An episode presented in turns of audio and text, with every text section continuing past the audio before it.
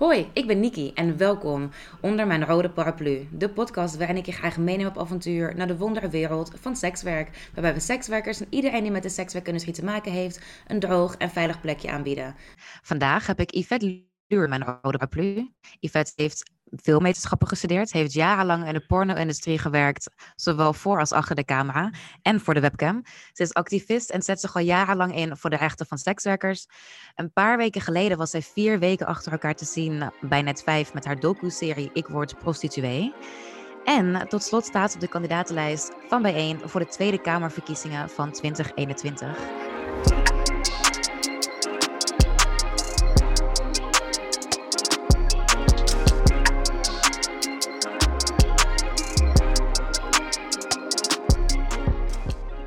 Yvette, hallo. Dat klopt allemaal wat je zegt. Mogen we beginnen bij jouw allereerste herinnering aan sekswerk? Wow, mijn eerste herinnering aan sekswerk. Uh, ja, um, dat is denk ik. Um, mijn vader werkte op bureau Warmoestraat. Dus ik kwam al wel van jongs af aan bij hem op bureau. En dat was natuurlijk gewoon, ja, gewoon een buurt waar, um, waar toen nog veel meer als nu uh, seks zichtbaar was in het straatbeeld, of seksualiteit en, en, en sekswerk zichtbaar was in het straatbeeld. Alhoewel ik het toen niet per se als heel specifiek geregistreerd heb. Het was, was gewoon, iets met ja. spannende buurt. Ja. En heeft dat op enige manier dan ook jouw beeld van sekswerk gevormd? Hmm, dat weet ik niet. Um, ik denk het niet. Ik denk wel dat het gevormd heeft dat ik me op mijn gemak voel op de wallen. Het voelt als een, uh, als een, als een plek waar ik een familiehistorie heb. Want behalve mijn vader heeft ook mijn opa op datzelfde politiebureau gewerkt. Dus het voelt oh. alsof ik een soort generationele binding heb met het gebied.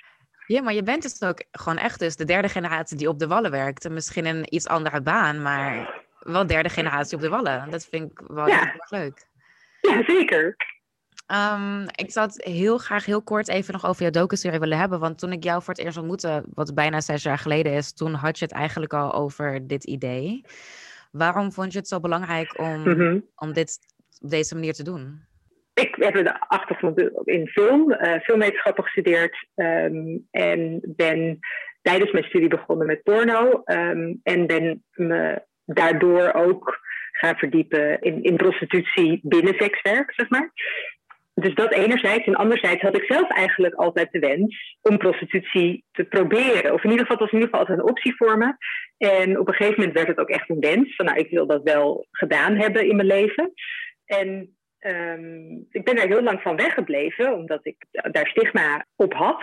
Uh, en uiteindelijk ben ik toen porno gaan maken en ben ik zo weer teruggekomen bij, bij het onderwerp uh, uh, prostitutie. En op een gegeven moment kwam ik dus op een punt dat ik dacht van ja, ik wil dit doen. En toen zat ik, was ik ook al zo ver in mijn studie dat ik ook wel begreep dat daar een documentaire in zat. En toen um, heb ik dus eigenlijk mijn eerste keer uitgesteld, um, zodat we er een, een, een, film over konden maken. En ik denk dat het heel erg belangrijk is om dat verhaal van, van die keuze te vertellen omdat de meeste verhalen, weet je, de fictieverhaal en alles wat een beetje uh, documentair is of wat een beetje uh, ja, onderzoeksjournalistiek-achtig is, gaat dan vaak naar het één keer doen of het moment tot dat. Zo van, ja, nou, als je, dit, als je sekswerk gaat doen, dan ga je dit en dit en dit en dit doen. En dan, oh nee, we gaan toch niet die eerste klant hebben. En voor mij stond het gewoon vast dat ik het ging doen. Maar ik wilde heel graag laten zien en dan. Wat betekent het nou om die keuze te maken? Uh, wat betekent het, wat voor impact heeft het op je leven? Uh, ga ik je ouders vertellen en hoe dan? En, en wat, wat betekent dat dan?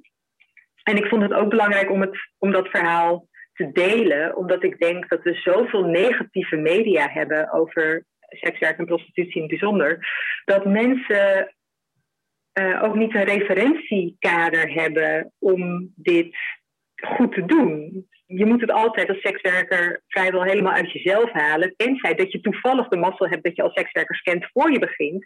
Maar als je dat niet hebt, als je niet al een sekswerker community om je heen hebt, dan moet je het altijd helemaal uit jezelf halen. En er zit zoveel stigma op het werk dat het gewoon best wel een hele grote kluif is. En ik hoop heel erg dat mijn documentaire serie daar wat hulp bij kan bieden. En niet, niet dat mijn manier de manier is, maar uh, dat je in ieder geval denkt: oh, nou zou, zou ik het niet doen. Of oh, wat, dit klinkt tof, zo zou ik het wel doen. En, daar, en alles daartussenin. Dus het was ook wel gewoon echt een heel erg educational ding eigenlijk. Je wilde heel graag niet alleen het, het, het, de general public voorlichten, maar ook gewoon eigenlijk voor baby sekswerkers die misschien nadenken over het werk om te laten zien hoe ze het misschien op de beste manier kunnen doen. Mm, ja, maar niet alleen voor baby sekswerkers, ehm, ook voor ouders. Weet je, we hebben allemaal een beeld over wat sekswerk is en wat we daarvan vinden. En nou ja, media of, of, of verhalen helpen ons dingen te plaatsen in de wereld en helpen ons dingen te verwerken. En, en uh, daarom vind ik het belangrijk dat er genuanceerde verhalen over sekswerk in de wereld zijn. Ja, want je ouders waren ook heel erg prominent in beeld tijdens de documentaire uh, serie. Mhm. Hoe kijken zij nu aan tegen jouw beroep? Je mag het natuurlijk nu op dit moment niet uitvoeren, maar... We hebben het er niet heel veel over. Ik denk met mijn moeder um, wat meer, maar die vond vooral dat ik de tozo aan moest vragen. um, ik Lekker vond niet dat ik de tozo aan moest vragen, want ik heb, ik heb nog andere, andere klusjes. Ja, verdorie. Oh, nee, maar dat, is dan, dat vond ik dan wel die maakte zich vooral druk om mijn financiële situatie. Kon ik nog wel geld verdienen? En ben ik ja. dan wel. Uh, ja. En mijn vader um, checkt daar denk ik niet zo specifiek over in. Die denkt ik weet niet wat. Mijn, mijn vader is wat dat betreft wel nou ja, vermijdender op het onderwerp. Ja, maar daar hebben wij het ook dan samen eens over gehad. Ik snap het ergens ook wel, want als, als, als vader zijnde en dat je dochter dan dingen doet. Ik, ik kan me ergens wel voorstellen dat het een, iets, toch een iets grotere drempel heeft dan, dan wanneer je daar dan met je, als moeder zijnde met je dochter over praat. Kan ik ja, dat is ook hoe we met mannelijkheid omgaan natuurlijk in de wereld. En hoe we, hoe we vaderschap aan elkaar uitleggen. Dat ook inderdaad, ja. Wat is iets wat je hebt geleerd tijdens het maken van de serie, eh, wat je misschien niet had verwacht te leren over jezelf of over het vak? Of... Ik was heel verbaasd over mijn eigen keuze. Ik had niet verwacht toen ik hier aan begon dat, het, dat ik zou kiezen voor het raam. Waarom ehm, niet? Ja, dat leek me niks voor mij. Ook omdat ik um, denk dat veel sekswerkers op de Wallen een, een heel andere stijl hebben. Qua uh, wat ik al, wat, wat mijn eigen persoonlijke stijl als sekswerker al was, dat lag heel ver. In mijn belevenis lag dat heel ver van wat ik uh, normaal aan branding uh, achter de ramen zie. Ja. Dus ik dacht, ik denk dat ik er gewoon zo zou En ik dacht dus ook dat ik het heel vervelend zou vinden om achter een raam te zitten.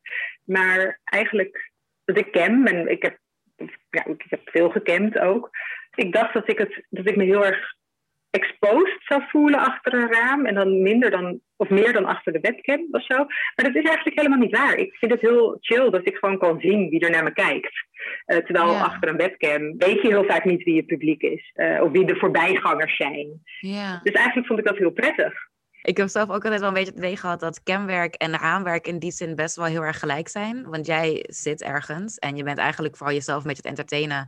En dan wacht je totdat er mensen voorbij komen die je inderdaad kan entertainen. Waarbij het grootste verschil inderdaad dan vooral is dat jij dan achter het raam kan zien wie de voorbijgangers zijn inderdaad. Dus het, ik vind het op zich best logisch dat als jij het camwerk heel leuk vond, dat je dan jezelf hier ook wel heel erg in kon vinden. Ik vind het stilzitten tussen shows door of tussen cliënten uh, door vind ik wel achter een webcam wel heel veel chiller. Want achter een webcam kan je veel beter bepalen wie kijkt naar wat. Ehm, je gaat zelf over, over de camera, dus over, over het frame. En achter het raam is je raam altijd je frame. En daar valt niks aan te veranderen. Dus er is ook wel een voordeel aan, aan, aan cammen wat dat, wat dat betreft. Ja. En nou, je staat dus op de lijst. Dat zagen we ook op het alle einde mm. van je docu-serie ook nog even vluchtig voorbij komen bij Bijeen. Mm Waarom Bijeen? Ja, waarom niet? Um. nou, ik weet niet, er zijn, er zijn heel veel partijen die nu tegenwoordig dingen zeggen over sekswerk. De Piratenpartij heeft het in een programma, GroenLinks heeft het in een programma. Dus waarom Bijeen? Ik, ik was al artikel 1 lid uh, voordat het verkiezingsprogramma voor 2017 er lag. Dus toen, toen was er nog geen uitgesproken visie op, op, op sekswerk gedeeld. Maar wat ik um, heel erg interessant vond aan ja, dus de opstartperiode van artikel 1 in het, in het, in het hele vroege begin, was de uitgesprokenheid uh, wat betreft antiracisme en antidiscriminatie, maar ook de uitgesprokenheid op LHBT-issues. En ik wilde wel zien waar dat naartoe ging.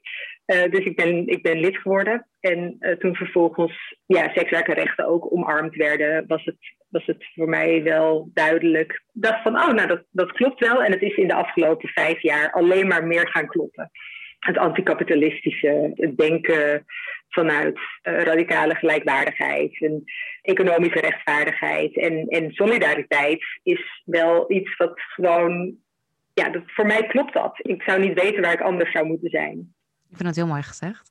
Ik ben wel heel benieuwd, uh, want radicale gelijkwaardigheid, dat staat eigenlijk overal als je iets ziet over bijeen inderdaad. Wat wordt daar nou precies mee bedoeld? Ik um, had onlangs een voorgesprek met de journalist van het Jeugdjournaal en die vroeg mij om antwoord te geven als zijnde aan een twaalfjarige.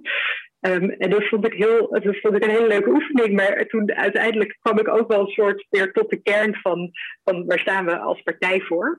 Radicale gelijkwaardigheid betekent voor mij dat alle mensen even belangrijk zijn en evenveel rechten hebben.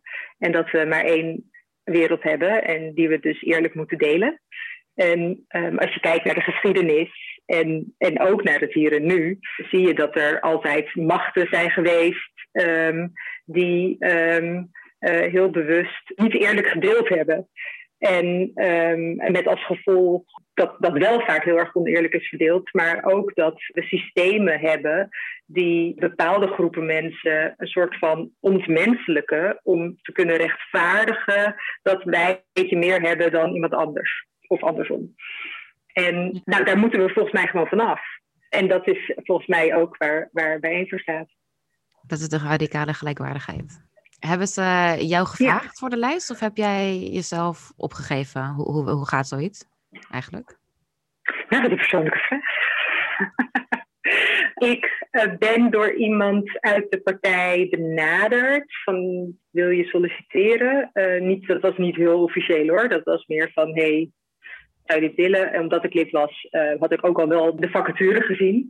En dat was toen, toen ik net maart, nou, volgens mij waren we nog aan het draaien vorig jaar. En toen zag ik, ja, toen heb ik de vacature voorbij zien komen en toen dacht ik, ja, ik heb nu, ik zou dat wel willen, maar ik heb nu geen tijd. Ik ben een serie aan het maken, ik moet dit niet nu willen.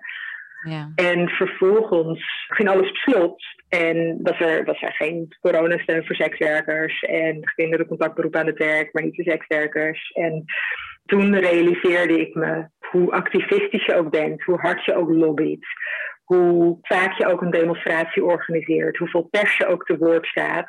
Ja, je kan je letterlijk helemaal kapot werken, maar uiteindelijk worden de beslissingen in Den Haag genomen.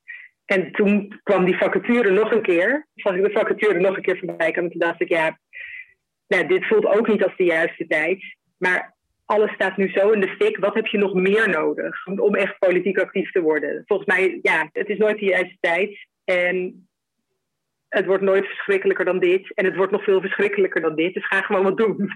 Dus toen ben ik uh, toch naar het proces ingegaan en, en uiteindelijk op de beland.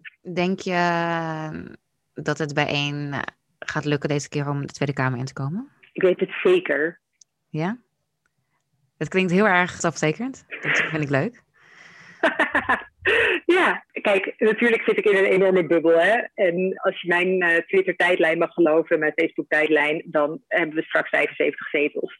Ik weet dat dat niet waar is.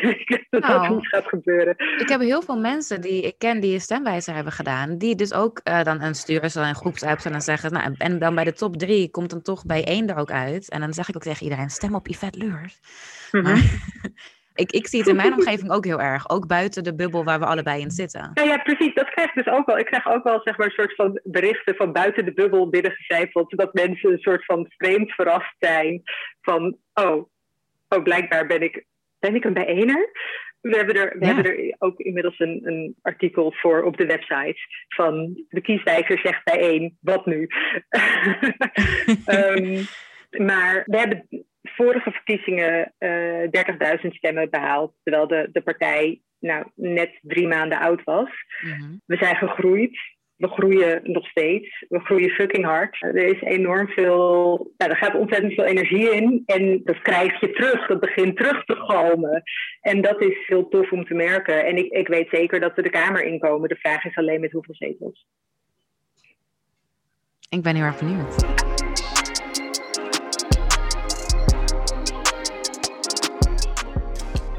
Het verkiezingsprogramma heeft hele duidelijke punten over sekswerk. Ehm, ik denk de meest heldere punten die ik mhm. heb gezien van alle programma's.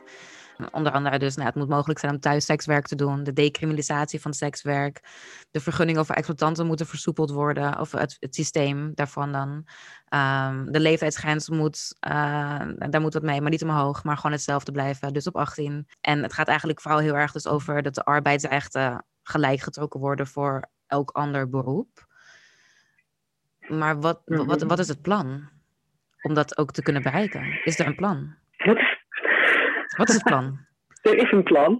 Um, Mogen we nou ja, het plan is dat ze als ze de Kamer inkomen, dat er, dat er even een wetsvoorstel ingediend moet worden. Ik weet niet of we hier al zo concreet over nagedacht hebben. Maar het scheelt heel erg dat er een, een sekswerker op de lijst staat die het maatschappelijk veld rondom sekswerk vrij goed kent. Nou ja, er zijn gewoon contacten met andere sekswerkers en sekswerkerorganisaties en andere politici die zich bezighouden met dit onderwerp. Als we volgende maand aan de slag gaan, dan lijkt me dit niet heel ver weg. Ik heb er zin in. Je hebt er zin in. Waar heb je dan het meest zin in? Ik wil heel graag zien wat bijeen kan betekenen in het publieke debat binnen de Kamer. Ik was van de week op een demonstratie in Den Haag, omdat dus de contactberoepen weer aan het werk mogen, maar expliciet sekswerkers niet. En daar was iemand die was verbaasd dat ik uh, met een bord van bijeen stond, want die dacht dan dat, dat mijn partijleider tegen sekswerk zou zijn. En toen zei ik, nou dan heb je vast het programma niet gelezen. En dat klopte, want nou ja, we staan gewoon voor gelijkwaardigheid. Dus ook voor sekswerkers. En met dat vanzelfsprekende sentiment, dat dat dus altijd het uitgangspunt is. Oké, over wie gaat het? En, en worden deze mensen rechtvaardig, gelijkwaardig behandeld? En hoe zorgen we dat dat gebeurt? Nou ja, dat wil ik gewoon heel graag zien. Ik ook, alsjeblieft. Dus daar heb ik het meeste zin in. Want bij, eh, ik denk dat in die zin bij één en ook de Piratenpartij, want daar zit dus ook een sekswerker op de lijst, Matthew Black. Ja, ja. Dat jullie allebei, dus jullie partijen allebei eigenlijk dus wel in die zin een streepje voor hebben. In ieder geval bij sekswerkers, omdat er in ieder geval ook echt een sekswerker bij betrokken is. Of zal zijn dan. Mhm. En sommige andere partijen die noemen het dan misschien wel, maar dan, ja, dan heb je een beetje het stereotype van een politicus, denk ik, waarvan je dan, de meeste mensen überhaupt altijd wel denken van ja, ze zeggen dit wel, maar wat gaat er daadwerkelijk echt gebeuren? Ik bedoel, zo heb ik ook ooit op een partij gestemd die altijd heel erg voor ons was. Maar zodra ze de coalitie in konden, werden we als eerste weggeschoven. Hm. Wat nou als dat bij is? Stel dat één krijgt 75 zetels. D66. Uh, stel, bijeen krijgt die 75 zetels. En ze mogen in de coalitie. En dan ook de VVD bijvoorbeeld en de, het CDA, ik noem wat. En die zeggen, jullie mogen erbij, maar alleen als we de mhm. sekswerkers opzij schuiven. En wat gaat bijeen dan doen? Ik denk niet dat dat een... Uh, nee, dat denk ik niet. Dat lijkt me heel, heel onwaarschijnlijk. Eigenlijk onmogelijk. Ik kan me niet voorstellen. Ik bedoel, het zou super tof zijn als er een linkse coalitie komt waar we een, een, een plek kunnen innemen. Maar ik denk dat voor een partij als die van ons er ook gewoon heel veel te halen valt met in de oppositie zitten. En dat uh, zeker met, ja, met onze ideologie sommige, sommige uh, dingen onoverkomelijk zijn. En, en dat is dan niet per se specifiek sekswerk, maar wel, wel die, die ongelijkwaardigheid. Ja, dus dan er zijn om de kritische vragen te kunnen stellen. Um, ook als dat betekent dat je niet regeert, maar wel om de, continu de vinger op de zere plek te kunnen leggen. Nou, ik denk dat als, als politicus en politieke partijen moeten natuurlijk altijd veel concessies gedaan worden. Maar ik zou heel graag zien dat um, dat we niet een concessie zullen zijn bij, bij één of elke andere partij, for that matter. Ik ben zelf wel heel erg benieuwd hoe alle andere partijen inderdaad zich gaan voorbewegen in dit gesprek de komende tijd. Omdat het mij toch best mm. wel heel erg opviel dat. Het is volgens mij de eerste keer, zover ik weet. Ik weet niet of jij daar iets meer over kan zeggen. Dat er überhaupt partijen zijn die sekswerk in hun beleid hebben genoemd. En toen dacht ik, zou dat misschien dan iets te maken kunnen hebben met de aanwezigheid van ook sekswerkers op de lijst bij andere partijen? Vroeg ik mij af. Ik weet niet of dat zo is. Ja, ik weet het niet. Ik heb wel de hoop, en, maar ik weet niet of dat waar is. Hè. Ehm, ik, ik heb wel de hoop dat op het moment dat je iets inbrengt in het publieke debat, um, en in dit geval door een sekswerker in te brengen uh, op, een, op een, een lijst, uh, ja, kan je er dus ook niet meer echt omheen. En ik denk dat dat ook precies de kracht van bijeen zou kunnen zijn in de oppositie. Hè? Maar um, ik heb me eigenlijk verbaasd over de magere hoeveelheid aan, aan, aan, aan goed sekswerkerbeleid uh, er in de verkiezingsprogramma uh, staat. Het is toch eigenlijk alleen GroenLinks die expliciet voor, voor decriminalisatie zijn en de Piratenpartij en wij dan. En over de Piratenpartij zou je nog vragen kunnen stellen hoe zij omgaan met content hè, op internet. Dus wat het betekent voor sekswerkers die niet prostitutie doen, maar die, die wel uh, webcammen of, of, of zelf hun eigen porno maken. En ja, GroenLinks heeft in het verleden natuurlijk wel vaak genoeg, nou ja, niet de meest prettige keuzes uh, uh, voor, voor sekswerkers gemaakt. En ook, ook moties ondersteund en meegeschreven, waar het, het, het echt compleet ontbrak. Maar tegelijkertijd vind ik ook wel, het oog wat, wat Niels van den Bergen hield een paar maanden terug, was wel zeer geïnformeerd. Dus dat vond ik tof. Maar er zijn er maar drie.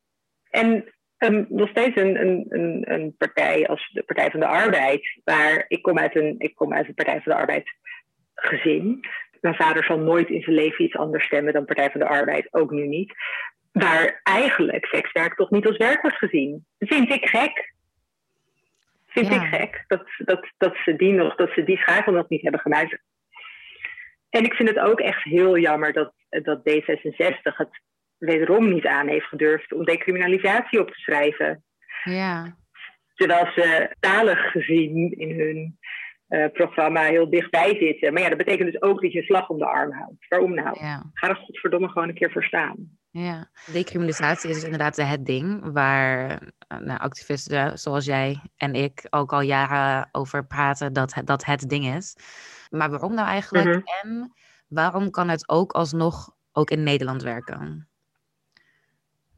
Want het, het, het idee is vaak natuurlijk eromheen dat hè, dat werkt in Nieuw-Zeeland, want het is een eiland, maar wij zitten in Nederland. Maar waarom kan het dan alsnog wel ook hier werken? Nou, het werkt niet alleen in Nieuw-Zeeland, het werkt ook in New South Wales uh, als deelstaat van Australië.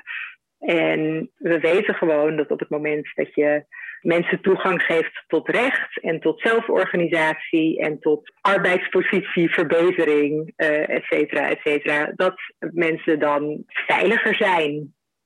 Dus op het moment dat jij je werk doet en iemand doet lelijk tegen je, steelt je geld, uh, probeert je af te persen, uh, pleegt geweld tegen je, dat je dan kan zeggen: Dit is niet oké, ik ga nu naar de politie en ik ga aangifte doen en whatever dat helpt.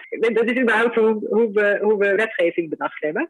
Dus op het moment dat je criminaliseert of gedeeltelijk criminaliseert, hè, of, of, of uh, reguleert zoals wij doen, en dat je dus mensen uitsluit van die optie, dat is gewoon problematisch. En ja, ik, ik, snap, ik snap het argument van uh, ja, maar Nieuw-Zeeland is een, is een eiland. Ik snap het gewoon niet zo. Want het enige is wat je zegt is van we gaan niet toegang vrijmaken voor sekswerkers of tot hun mensenrecht. We gaan dat blijven belemmeren, omdat we anders bang zijn dat er allemaal mensen vanuit het buitenland naar ons land komen. Dat is eigenlijk wat je zegt. Dus het, um, het argument uh, Nieuw-Zeeland is een eiland is eigenlijk een, een nationalistisch uh, argument. Of de angst voor, voor sekswerkers uit het buitenland. Dat is, dat is raar dat je daar bang voor bent. En dat dat dan dus blijkbaar dat je daar zo bang voor bent dat je uh, daardoor de, de mensen die in dit land werken en, en lijden onder, onder de, de gedeeltelijke criminalisatie van, van sekswerk, dat, dat je dat op de koop toeneemt. Dat is toch bizar? Ja, want dan heb je dus vooral over mensen die dus dan bijvoorbeeld thuiswerk doen zonder vergunning, die zich vaak niet, ja, dan misschien veilig genoeg voelen om naar de politie te gaan als er iets gebeurt. Neem ik aan. Ja. Over die groep hebt. Of als je in een bordeel werkt waar je manager zich niet aan de, aan de opt-in regels houdt. Dat je toch niet je eigen prijzen mag bepalen. Of dat je ook moet afwassen terwijl je daar eh, niet voor wordt, letterlijk niet voor wordt ingehuurd. Of dat je gedwongen wordt tien uur aanwezig te zijn, uh, vijf dagen per week, omdat je anders niet meer welkom bent. Dan kan je ook geen kant op. Want wat ga je doen? Ga je zeggen, ga je aangifte doen van dat iemand zich niet aan de regels houdt? Ga je je, je manager aanklagen? Nee, want dan wordt je bordeel gesloten. En dan? Waar ga je dan heen? Dus het heeft op een heleboel niveaus. Ja, want ik zag inderdaad staan ook iets over hm. versoepeling van de vergunningen voor dus de exploitanten. Heeft dat dan daar, speelt dat uh, daarop in?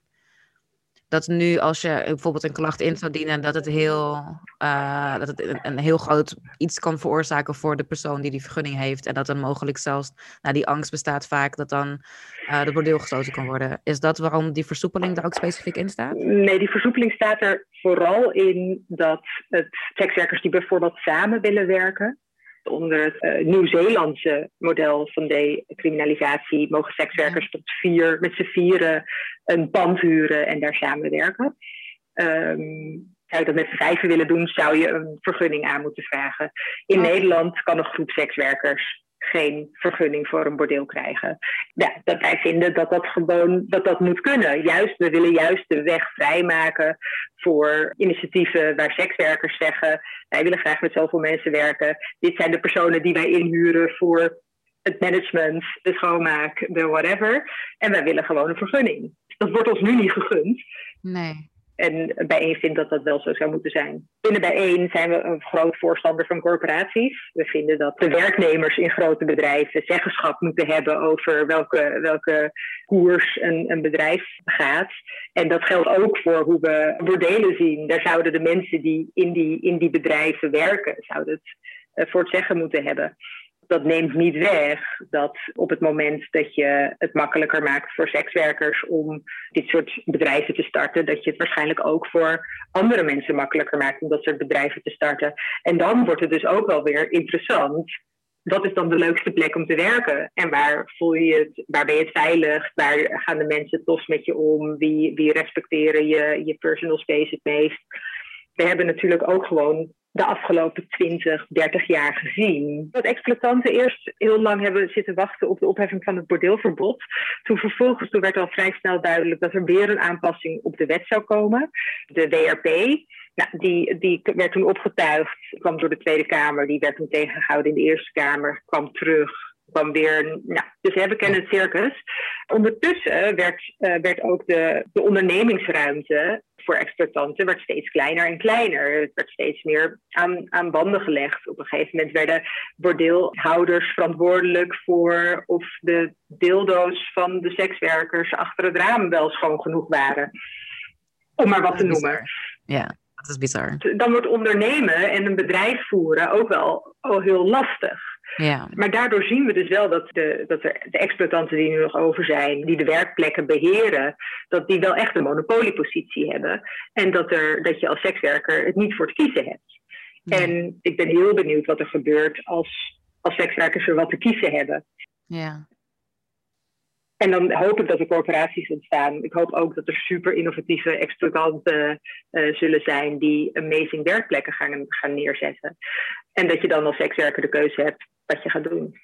Ja, dus gewoon echt die keuzevrijheid inderdaad. Want ik zag dus ook specifiek nog staan dat jullie dus niet de leeftijdsverhoging naar 21 willen. Wat een aantal keer dus in zo'n WRP en toen een WRS naar mhm. voren kwam. Waar heel veel gemeenten zich ook al eigenlijk heel erg aan houden. Mhm. Zoals Amsterdam bijvoorbeeld.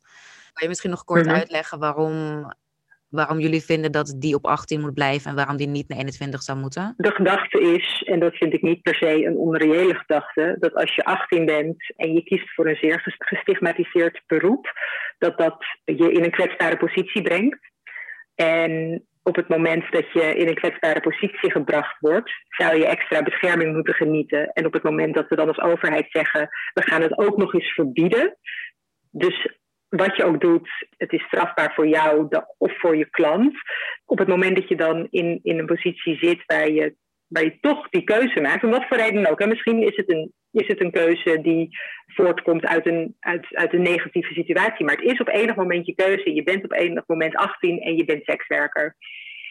Dan moet je gewoon altijd terecht kunnen bij de GGD, bij andere sekswerkers, bij belangenverenigingen, bij de politie als er iets misgaat. En je moet er overal naartoe kunnen, zonder chaîne naartoe kunnen rollen. Ja. En op het moment dat je uh, het verbiedt tussen de 18 en de 21, dan maak je een, een groep die kiest, kiest voor een gestigmatiseerd beroep alleen maar kwetsbaarder. Ja, want mensen die die keuze maken, die gaan het sowieso wel doen. Denk ik dan ook. Is dat een beetje het idee ook erachter? Ja, nou ja, als je dan kijkt naar, stel je zit in een situatie waar je nog thuis woont, maar waar je echt in een hele in een onprettig gezin of een gevaarlijk, onveilig gezin leeft en je moet het huis uit. En je, om jezelf in veiligheid te brengen, ga maar een baantje vinden waar je, waar je een woning mee kan bekostigen als je 18 bent. Dat is niet te doen, want ze hebben namelijk een minimum jeugdloon en een huizencrisis. Ja ja, als je echt in een shitty situatie zit, kies je voor je veiligheid of kies je voor iets doen wat een beetje tegen de wet is, maar waar je verder niemand mee gaat. Ja. Nou, ik zou, het wel, ik zou het denk ik wel weten. Ja. Tuurlijk is dat een complexe situatie en een onwenselijke situatie. Daarom zijn we ook voor verhoging van het, het, uh, het minimumjeugdloon, maar überhaupt een verhoging van het minimumloon. We zijn dus voor de opheffing van het minimumjeugdloon, dat het minimumloon voor iedereen 14 euro wordt. Maar we zijn ook voor uh, betaal, meer betaalbare sociale huur. Ik denk terug aan de tijd dat ik 16 was en voor 2,30 euro aan het werk was per uur. I know, right? Stel je voor dat je toen 14 euro Ja. Ik vind het bijzonder. En- ik kan me dat niet eens voorstellen. Je moet gewoon beloond worden voor je, je, je, de tijd die je investeert in een, in een bedrijf. En je hebt gewoon bestaanszekerheid nodig. En dat is, gaat over, helaas over, over geld in deze wereld. En het gaat over een dak boven je hoofd kunnen hebben. En over toegang hebben tot gezond eten. En als we dat allemaal geregeld hebben, nou, dan kunnen we eens gaan nadenken eh, hoe we om moeten gaan. Of we eventueel moeten zeggen, nou, als je, als je 18 bent, dan mag je wel of geen sekswerk doen. Ik weet al wat het antwoord is, want ja, goed. Ja, ik snap hem.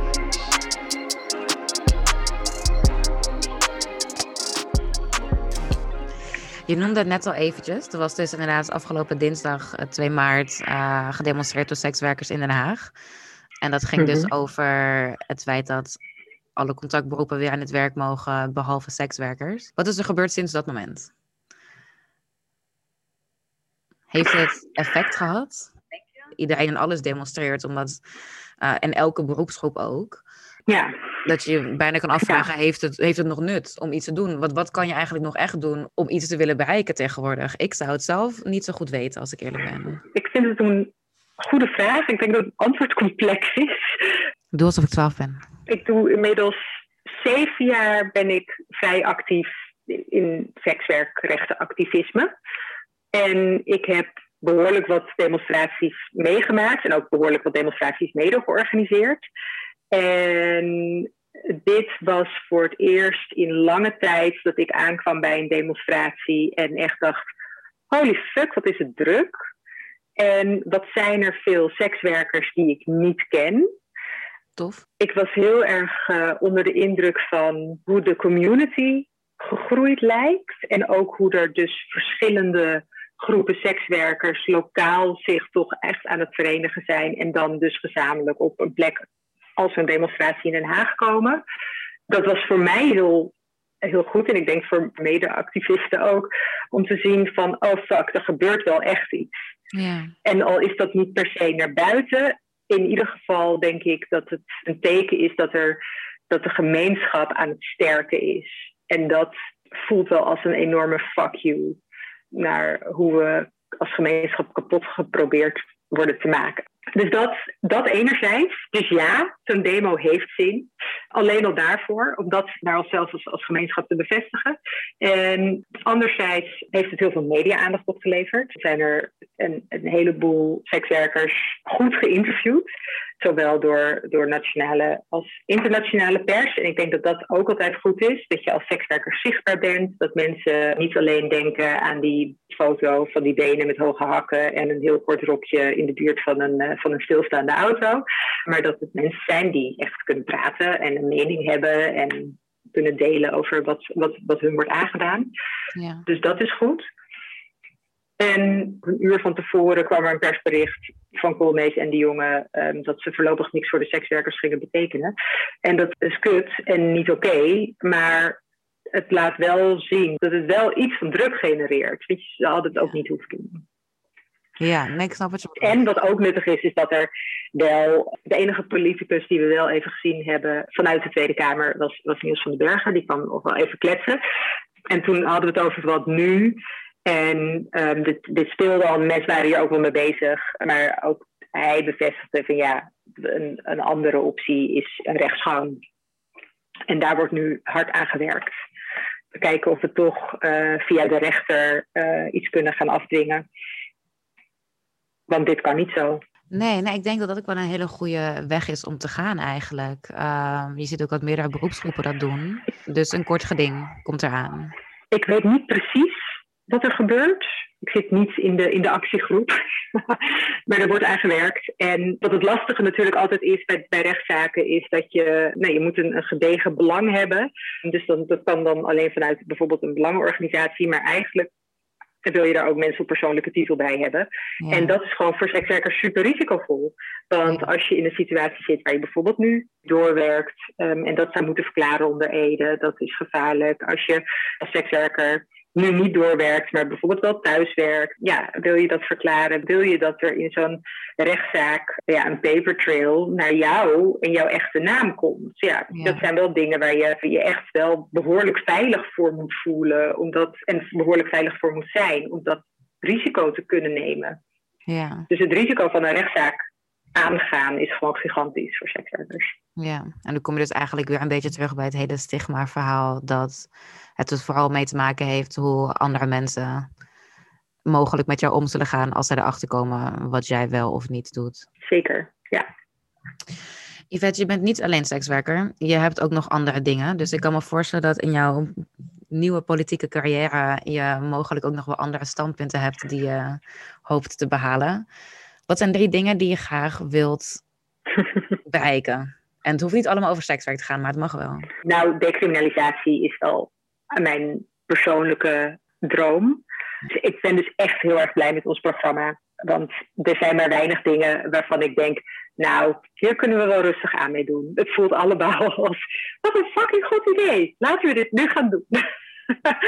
maar dan op Even op persoonlijke titel, decriminalisatie. Ik zou het heel fijn vinden als ik een nieuw paspoort zou kunnen krijgen waar uh, niet een C'tje of een M'tje in staat, maar waar ook een X'je of een, een liggend streepje kan staan.